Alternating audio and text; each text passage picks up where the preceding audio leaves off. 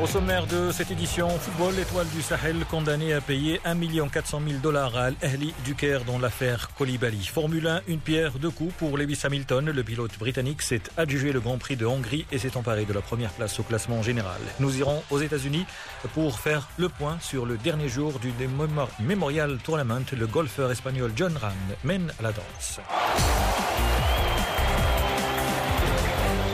L'affaire Souleyman Koulibaly, la fédération internationale, la FIFA a tranché aujourd'hui. L'étoile du Sahel, l'équipe tunisienne, doit verser 1 400 000 dollars à Al-Ahli dans un délai ne dépassant pas les 45 jours en cas de non-versement de la totalité de la somme et de 15% d'intérêt annuel dans les délais.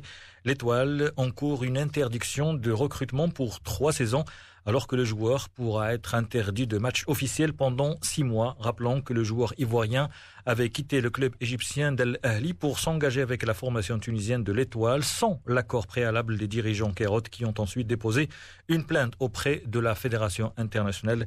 L'Étoile du Sahel avait proposé au Pharaon le versement de 600 000 dollars contre le retrait de la plainte, mais la direction d'Al Ahli a rejeté cette proposition et a exigé la totalité de la somme. Le Maghreb encore avec cette déclaration de Jamal Belmadi, le sélectionneur des Fenech.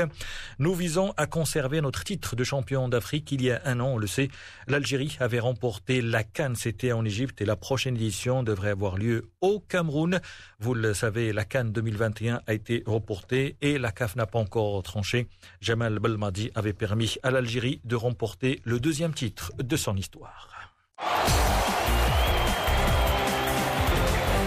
Direction l'Angleterre en ce moment, la deuxième demi-finale de la Coupe. Manchester United affronte Chelsea 0 à 0 pour le moment. C'est la quatrième confrontation entre les deux équipes cette saison. United a remporté les trois premières. Hier, le tenant du titre, City, a été éliminé par Arsenal qui détient le record de victoire dans cette épreuve avec 13 trophées.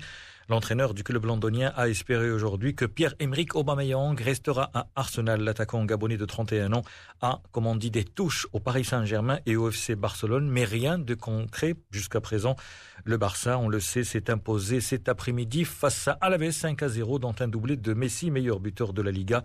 C'était à l'occasion de la dernière journée du championnat espagnol, mais le Barça, bien sûr, termine deuxième derrière le Real Madrid, le champion qui affronte ce soir les Ganes.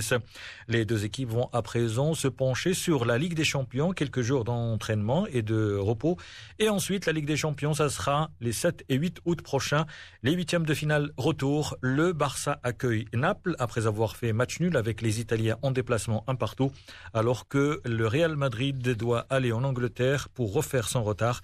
Le Real a été battu sur son terrain par City sur le score de 2 buts à 1.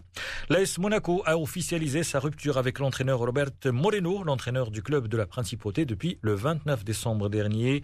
Nos chemins se séparent plus tôt que prévu, mais je souhaite remercier Robert Moreno d'avoir accepté le challenge, écrit le club monégasque dans un communiqué.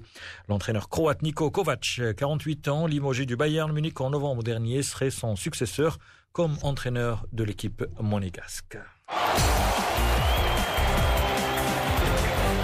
Sur une piste mouillée, grasse et extrêmement glissante. Lewis Hamilton était comme un poisson dans l'eau. Le pilote britannique a remporté le Grand Prix de Budapest, euh, deuxième, troisième course de l'année, après une nouvelle démonstration de force. Son deuxième succès après la victoire en Autriche le week-end dernier.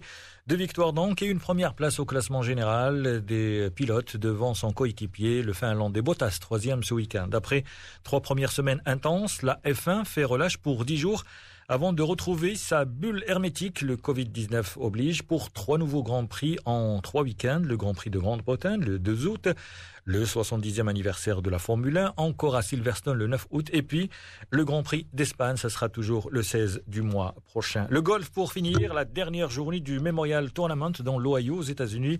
À l'issue de la troisième journée, eh bien, c'est l'Espagnol John Ram qui est passé en tête une carte de 66, 68, quatre coups sur le par. Il a détrôné les Américains Tony Fino et Ryan Palmer qui se partageaient la première place à l'issue des deux premières euh, journées de compétition. C'est la fin de cette édition. Merci de votre fidélité. Excellent début de soirée à l'écoute de Média.